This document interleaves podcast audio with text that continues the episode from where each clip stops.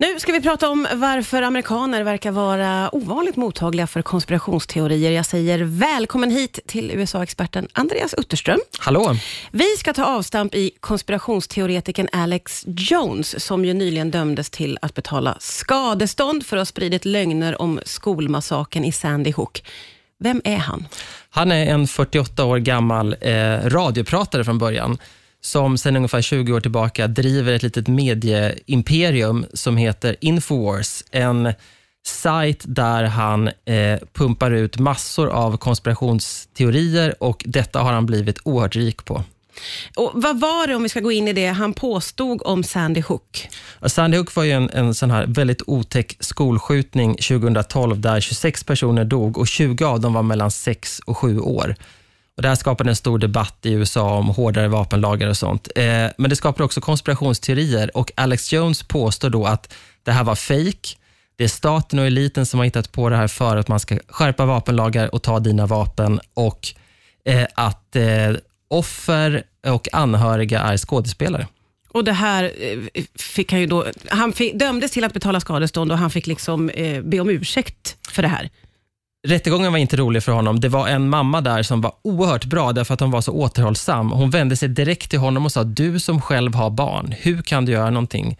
Hur kan du säga att min son som var så här och så här, beskrev honom väldigt fint, att, han, att det här är fejk, att vi har hittat på det. Förstår du vad du gör? Och Han såg oerhört obekväm ut under hela den här rättegången. Han blev alltså stämd av flera av föräldrarna och fick då betala ska nu betala drygt eh, 40 miljoner svenska kronor i skadestånd, vilket är mycket, men en bråkdel av hans inkomster, därför att under rättegången så vittnade en eh, expert som har synat hans tillgångar om att eh, Alex Jones har hundratals miljoner dollar i sina bolag, så att han har blivit oerhört rik på de här konspirationsteorierna. Och det är ju inte första gången heller han eh, kommer med sådana här hittepå-påståenden. Han har en lång rad av sådana bakom sig. Ja, den intressanta frågan är om man tror på dem eller om det bara är kommersiellt gångbart. Han har bland annat sagt att eh, terrorattackerna den 11 september var ett ins eh, inside job, alltså att staten ligger bakom det. Han har hoppat på den här konspirationsteorin som kallas för Pizzagate, där man säger att eh, Hillary Clinton drev en pedofilring, så du hör lite vad det, vad det här är för typ. Mm, eh, och mm.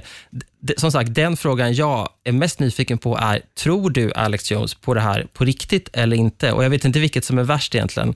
Att han inte tror på det och kör på det ändå, eller att han tror på det och det är det han säger i, på Infowars. Jag vet inte vad som är värst, Nej. men fullständigt vidrigt för föräldrarna, men nu har de fått upprättelse. Ja, men precis. Och flera av de här sakerna som han har slängt ur sig innan har han ju också fått be om ursäkt för, vad jag förstår. Så det är inte första gången han Nej, får... och blivit utkastad från YouTube och så, men trots detta har han en stor fanbase. Vi ska prata om hur det kommer sig att han har en stor fanbase. Det gör vi strax här på Rix FM. Riks FM. Ja, Idag pratar vi om... Eh, ja, vi har tagit avstamp i konspirationsteoretikern Alex Jones som ju nyligen dömdes att betala skadestånd för att ha spridit lögner om skolmassakern i Sandy Hook. Och han har en stor, stor fanbase, säger du, Andreas Utterström, som är här för att för, förklara för oss vem det här är. Hur, vilka är det och hur kan det komma sig? Han prickar rätt på något sätt, och då menar jag inte att det han säger är rätt, men eh, han har hittat en publik eh, av personer som är väldigt, väldigt skeptiska mot mainstream media och överheten i största allmänhet. Vilket amerikaner är och kanske på goda grunder om man nu tänker sig att det här är ett land som till exempel har startat eh, krig på eh, felaktiga premisser och där folk känner sig svikna på olika sätt. Och Då är det klart att en del i den här stora befolkningen har lätt att eh, ta till sig konspirationsteorier. Teorier. Det är väldigt lätt att sitta som en snobbig svensk och tycka att alla amerikaner är korkade, det här beror på, beror på låg utbildning och så.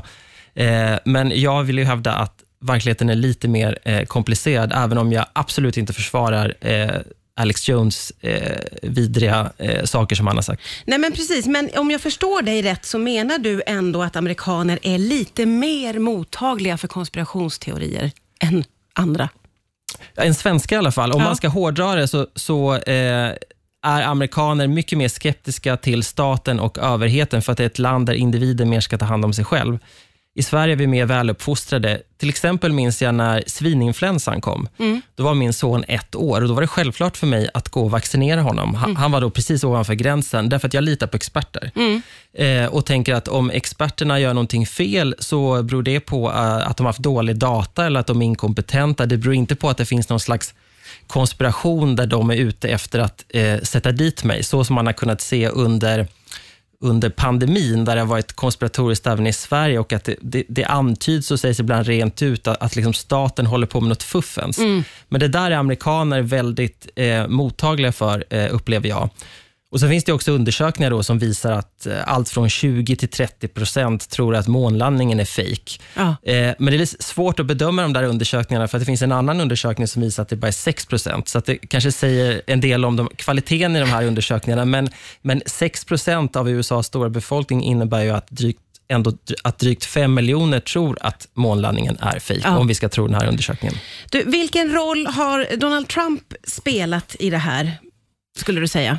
Donald Trump är ju en cyniker och en säljare, så om han kan dra nytta av konspirationsteorier så gör han ju det. Jag tror inte att han tror på dem alls, men Qanon, som du och jag har pratat om innan, som är ett paraply av märkliga konspirationsteorier om allting från pedofilringar till att det finns byråkrater som styr i hemlighet.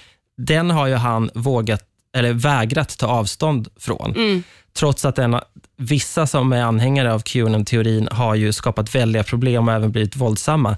Därför att Donald Trump vill inte skrämma bort potentiella väljare och eh, han är eh, helt skamlös när det gäller att, att flirta med väljare och det är ju i grund och botten säkert en bra egenskap när man är politiker, men det kan också få förödande konsekvenser.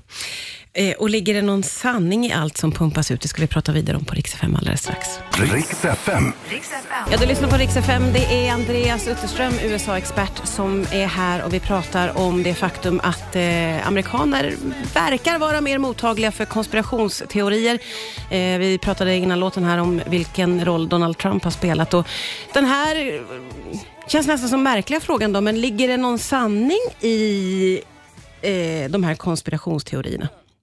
Ja, i så mått att livet är orättvist. För jag tror att det är den känslan som konspirationsteorier fångar upp. Eh, och eh, Om man tänker på både Donald Trump och Bernie Sanders, som står på var sida om det politiska spektrat, pratade under förra valkampanjen om att systemet är riggat.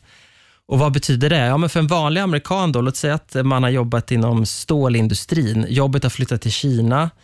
Eh, man lever från dag till dag. Samtidigt läser man i, i tidningen om att ekonomin går jättebra, börsvärdet hit och dit ökar. Bara, så, vad, vad är det här? Jag äger inte aktier, jag försöker liksom betala elen. Mm. Man kanske har en son som har dött i Irak, man har obefintlig eller ingen eh, sjukförsäkring. Eh, åker man dit för innehav av cannabis får man sitta inne samtidigt hur man ser hur folk som begår eh, allvarliga ekonomiska brott och är rika, lyckas få någon deal med åklagaren eller lyckas klara sig undan mm. fängelset. Mm. En stark känsla av att systemet är riggat, de rika kommer undan. Så här, det, måste finnas till en förklaring till att det är så här. Mm. Och dessutom då PK-samhället som kommer liksom och lägger sig som ett ok. Nu får man inte säga och tycka vad man vill.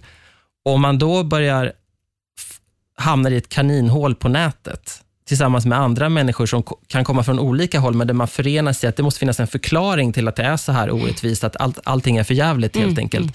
Då tror jag att det är lättare än vad man tror att hamna i konspirationsteorier och mm. då kan man halka in i Alex Jones-träsket. Mm. Du, eh, på ämnet eh, så måste jag få fråga om eh, razzian som har gjorts i Mar-a-Lago, som jag tycker om att säga. Eh, Trump har släppt ja. Ja, är ett bra namn. Mar-a-Lago. Mar-a-Lago. Ja. Eh, man kan säga mycket om det förstås. Och så har Trump eh, släppt en otroligt, måste jag säga, tyckte jag, spektakulär video efter det här. Och sonen har gått ut och försvarat. Vad tänker du om hela den här situationen? Det är FBI då som har gjort razzian, ska jag säga. Den stora frågan är, vad letar de efter? Det vet vi egentligen inte, även om eh, olika personer, Donald Trump och hans son säger en sak och, och liksom anonyma källor från rättsväsendet, men vi vet inte förrän vi har sett det här beslutet om husrannsakan. De skulle aldrig slå till mot en tidigare president eller en eh, blivande presidentkandidat, som man kanske också är, om det inte var något allvarligt. Det sägs ju då att det är saker han inte har lämnat tillbaka, Ja. som han måste lämna tillbaka då, eh, efter att han har stämplat ut. Och Då är det liksom något annat. Då kan det inte vara liksom en baguette i guld från Macron eller liksom ett ido- idolbrev från Viktor Orbán, utan då är det någonting annat, till exempel försvarshemligheter. Ja. Men vi vet inte och det var intressant att Donald Trump direkt gick ut och gav sin version av det här för att ta makt om historieskrivningen. Det gör mig lite misstänksam, för att det kan vara ett tecken på att han försöker förflytta fokus från vad det egentligen handlar om. Han har ju såklart en kopia av, den här, av det här beslutet. Det skulle han kunna visa. Varför gör han inte det? Ja. Nu låter jag också som en konspirationsteoretiker. Men på det stora hela tror jag inte att det kommer spela någon större roll. De som gillar Trump gör det eh, vad han än gör och de som tycker illa om honom, de har gjort det länge och det här stärker bara deras tes. Så att eh, ehm, Frågan är väl om det här påverkar hans beslut att ställa upp 2024 eller inte. Ja, och det är så många frågor som väntar svar. Det finns all anledning för dig att komma tillbaka, skulle jag säga. Men för idag, Andreas Utterström, tack så mycket för att du kom hit. Tack.